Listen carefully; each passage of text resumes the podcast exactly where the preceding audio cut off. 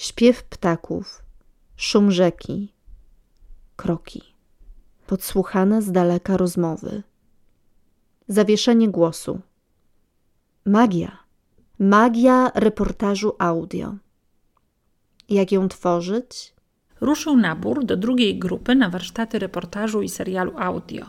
Więcej informacji www.torbareportera.pl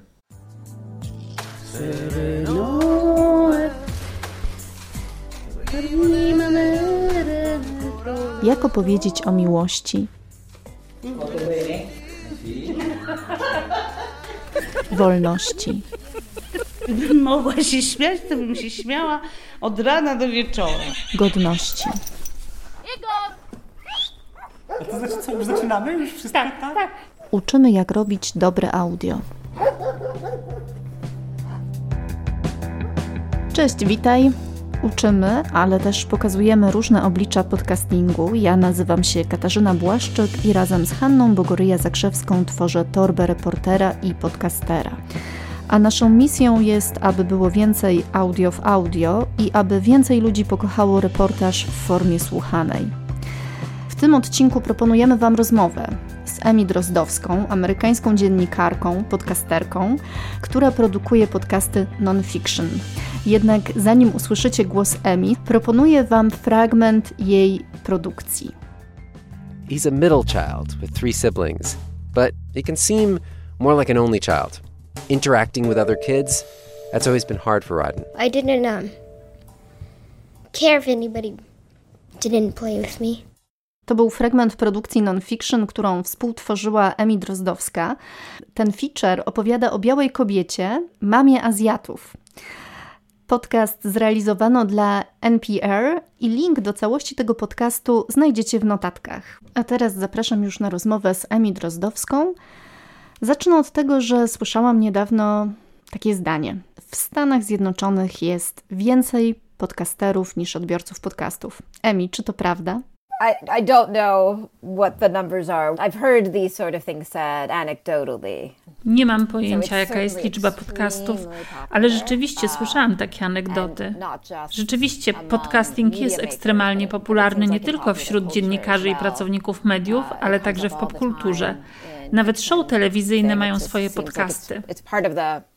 Popular conversation and part of the popular culture podcasting. Podcasting is everywhere. To ważna część popkultury. Podcasting jest wszędzie. Emi, jakie były Twoje początki w podcastingu? Well, it's funny because I think I was actually living in Europe when it really began, or, or it,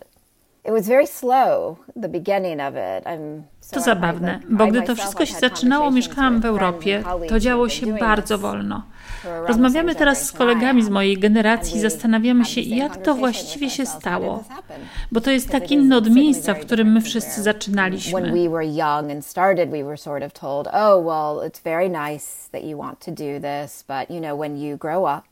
and have real responsibilities and need to make money, you'll probably need to quit and get a real job. Wtedy byliśmy bardzo młodzi i myśleliśmy tak. To bardzo przyjemne. Ale kiedy dorośniemy, to będziemy musieli zarabiać pieniądze i po prostu rzucić podcasting. Pójść w stronę PR-u, reklamy. Nie śmieliśmy nawet marzyć o tym, że to się tak rozwinie. around around the year 2000 um, a little bit before then sort of in the very late 90s i started in public radio Zaczynałam około roku 2000, może trochę wcześniej, w radiu publicznym. Byłam wtedy bardzo zainteresowana storytellingiem i filmem dokumentalnym. A kiedy odkryłam radio, byłam zafascynowana jego intensywnością, emocjonalnym ładunkiem ludzkiego głosu. I mean, again, I don't, it wasn't a moment. I think I, it happened very gradually. And, and again, I left the country in the middle of it, I think. Um, so I think around, I want to say around 2006 ish, like around there, I remember. Około 2006 roku wyjechałam z kraju. Wtedy coraz więcej ludzi miało iPady i słuchało na nich MP3, a potem, potem mogłaś mieć dostęp do różnych programów radiowych.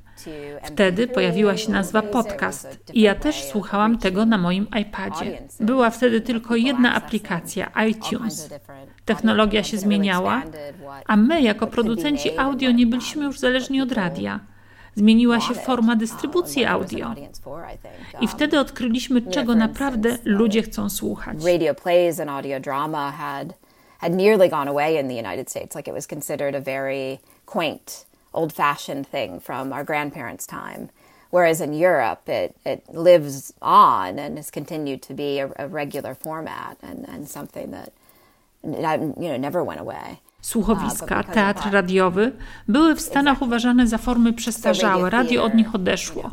To były formy radiowe naszych dziadków, inaczej niż w Europie, gdzie przecież to jest nadal działka radia publicznego. Dzięki podcastingowi to znowu jest obecne na scenie audio jako podcasty. programs, plays on radio. Um, it, it, it's funny because people talk about it like, oh, it's it's it's so new. I like how wild, and it's sort of like it's, it's something that's very very old that you're just rediscovering and to śmieszne, bo teraz słuchacze to odkrywają, mówią, o wow, jaka fajna uh, forma.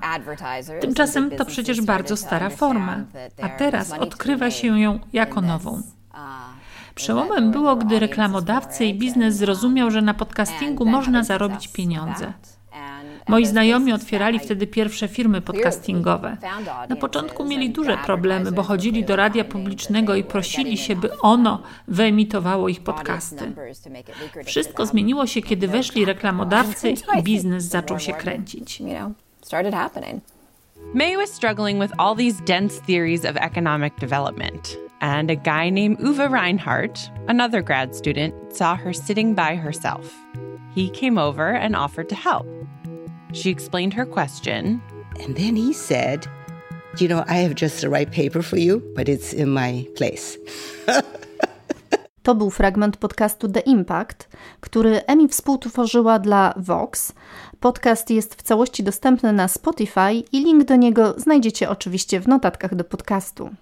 Emi, jaki rodzaj podcastów non-fiction, z narracją czy bez, dominuje obecnie w Stanach Zjednoczonych? It's interesting because when I started, I was actually doing the sort of pieces I became interested in doing and, and then did for several years were non-narrated pieces. So I think more akin to what you're comfortable doing and what you normally do. And, and, and I've worked with your partner Hanna as well, and, and we had done some pieces together.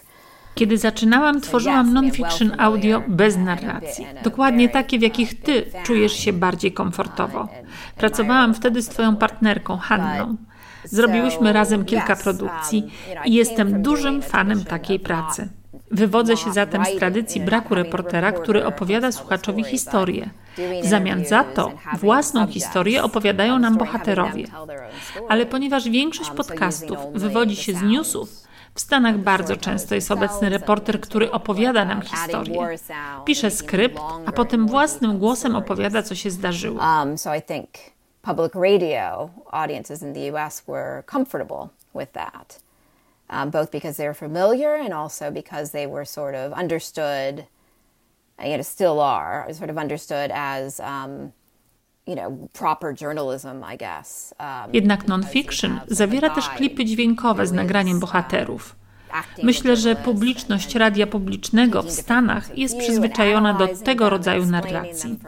To jest rozumiane jako porządne dziennikarstwo, bo masz przewodnika, który bierze pod uwagę różne punkty widzenia i wyjaśnia je publiczności.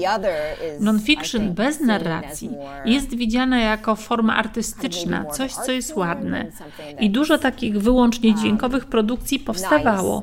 Są producenci, którzy się w tym specjalizują i miejsca, gdzie taka sztuka jest wspierana ale to nisza. But, but, but it's more of a niche area, certainly. And so as far as the big podcasting boom, it's still going to there's more of it than was ever done before. Boom na podcasty stworzył dla producentów non-fiction, które nie brzmi jak dziennikarstwo, więcej miejsc.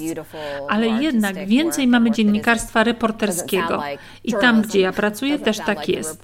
Dziennikarstwo, nie sztuka, jest priorytetem. Co zadecydowało o tym, że właśnie taki rodzaj podcastu z narracją, a nie opowiadany samym dźwiękiem wygrał w Stanach Zjednoczonych? Why I can say is there's a man named Ira Glass, and he created a show called This American Life. To przez człowieka, który nazywa się Ira Glass. To on stworzył show The American Life, który stał się bardzo popularny. Zakochało się w nim wielu ludzi i wielu chciało go naśladować. Ten styl jest bardzo popularny w podcastingu. To się teraz zmienia, ale to show i ten styl zainspirował ten boom. To show jest ekstremalnie mówione, narracyjne i pisane. Nawet jeśli reporter jedzie do miejsca, gdzie się coś zdarzyło, rozmawia z ludźmi z krwi i kości, to ważne jest, by potem to dobrze opisać słowami, a nie nagrać. Uh, this has just changed because people's skills have changed and, and the talent out there has changed. But for a long time, many of the people that he that the show took on as staff had a print to się zmienia, bo zmieniają się też umiejętności autorów.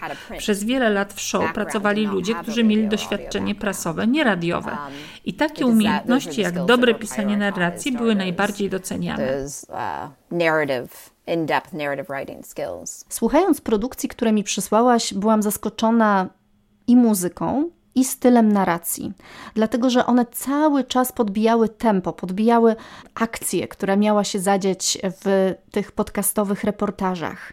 Taki styl mocno bywał krytykowany na International Feature Conference, która oczywiście jest organizowana głównie przez Europejczyków. Jak myślisz, skąd takie różnice w tym, jak odbiera się w Europie i w Stanach oprawę brzmieniowo-dźwiękową? Sort of in the way that it, I think the idea is again, and again, this comes from Ira Glass and this comes from This American Life, who to też pochodzi od Airy. Um, Jego idea była taka, żeby używać muzyki tak jak się to robi w filmach fabularnych i w ten sposób opowiadać. W filmach muzyka podbija sceny, gdy dzieje się coś strasznego, coś emocjonującego. To Hollywood.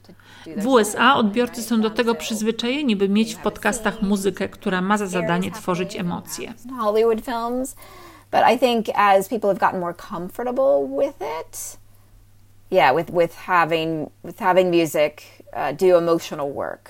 Dziękuję, Emi. To była fascynująca podróż w świat amerykańskiego non-fiction, w świat amerykańskiego podcastingu non-fiction.